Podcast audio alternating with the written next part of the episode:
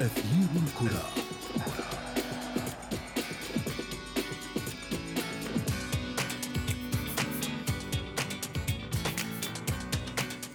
عام ميز الكثيرين. لاعبون أنجزوا المهمة وكسبوا حب الملايين. لاعبات سجلنا هدفا في مرمى المجتمع أولا ومرمى الخصم ثانيا. فتفوقنا في مونديال السيدات على أكبر نجوم اللعبة. وما زلنا يبهرن العالم بإصرارهن على المساواة في اللعبة الأكثر شعبية. فكرة القدم لا تعرف جنسا ولا لونا ولا عمرا. فالأهم هو إمتاع الجماهير بأجمل اللوحات الفنية على أرض الميدان. كل هذا سنتحدث عنه اليوم في أثير الكرة والانطلاقة من العناوين. عام 2019 عام الكرة النسائية بامتياز ونسبة المشاهدة في كأس العالم تخطت التوقعات. لاعبات عربيات يكافحن لإثبات ذاتهن سواء بركل كرة القدم أو التحكيم فيها. وفي فقرة ما لا تعرفونه عن كرة القدم نتعرف على حياة بيلي النساء. نجمة برازيلية هزت أوساط اللعبة بسبع عشرة هدفاً مونديالياً. أثير الكرة. نرحب بكم مستمعينا الكرام عبر إذاعة سكاي نيوز عربية.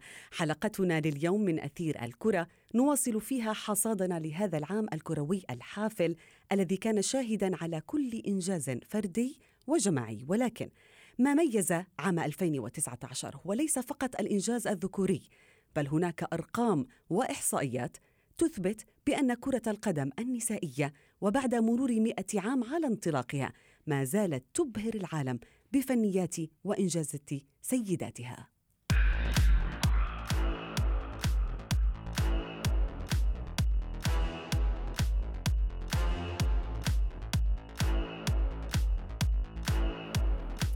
ونحن نغلق أبواب هذا العام لن ننسى أن نذكر السيدات ودورهن في عالم المستديرة والذي بات جليا في الرياضه الأكثر شعبية في العالم. في التقرير التالي نتناول نشأة كرة القدم النسائية وبداية ظهورها في القرن الثامن عشر مع الزميل عمر جميل. The three-time world champions take on the European champions. Who will be crowned the best team in the world today? يوليو من عام 2019 المباراة النهائية لكأس العالم لكرة القدم للسيدات بين الولايات المتحدة وهولندا. تستقطب عشرات الملايين من المشاهدين حول العالم. وبرغم إقامتها في نفس توقيت بطولات قارية أخرى ككوبا أمريكا وكأس الأمم الإفريقية والكأس الذهبية لكن البطولة النسائية تستحوذ على اهتمام المتابعين. لكن هذه ليست بداية الحكاية.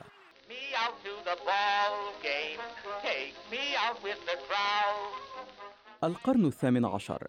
نساء اسكتلندا العازبات يلعبن مباراة سنوية ضد نظرائهن المتزوجات والهدف أن يختار الجمهور من الرجال العزب عروسا محتملة بناء على قدرتها في كرة القدم.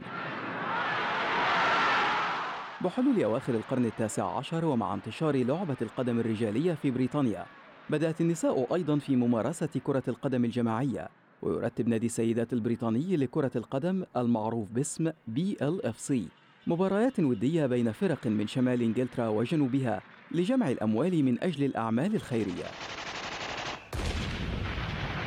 مع سقوط العالم في أتون الحرب العالمية الأولى حظيت كرة القدم النسائية في أوروبا بشعبية أكبر لانشغال الرجال بالحرب حتى وإن لم يكن ذلك ضمن بطولة منتظمة وحتى بعدما وضعت الحرب أوزارها في عام 1918 وعاد الرجال إلى أوطانهم. ظلت كرة القدم النسائية حاضرة.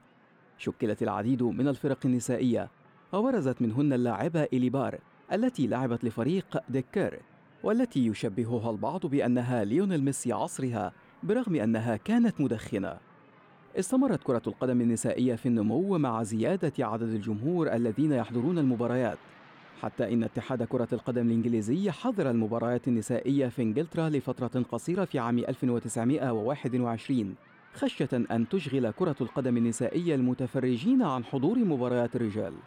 وبرغم أن هذا الحظر لم يستمر لفترة طويلة لكن كرة القدم النسائية ظلت تتقدم بخطى بطيئة بسبب العراقيل الرجالية من جانب وعدم وجود دعم مادي من جانب آخر وظروف الحرب العالمية الثانية من جانب ثالث.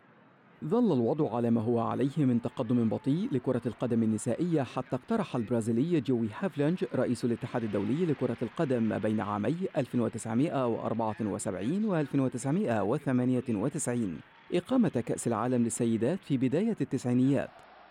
ومع أن هافيلانج نفسه توفي في عام 2016 لكن فكرته نجحت في أن تحول لعبة كرة القدم النسائية إلى بطولة عالمية تقام كل أربع سنوات ويزداد عدد الفرق المشاركة بها إلى 24 فريقا يتابع مبارياتها مئات الملايين حول العالم.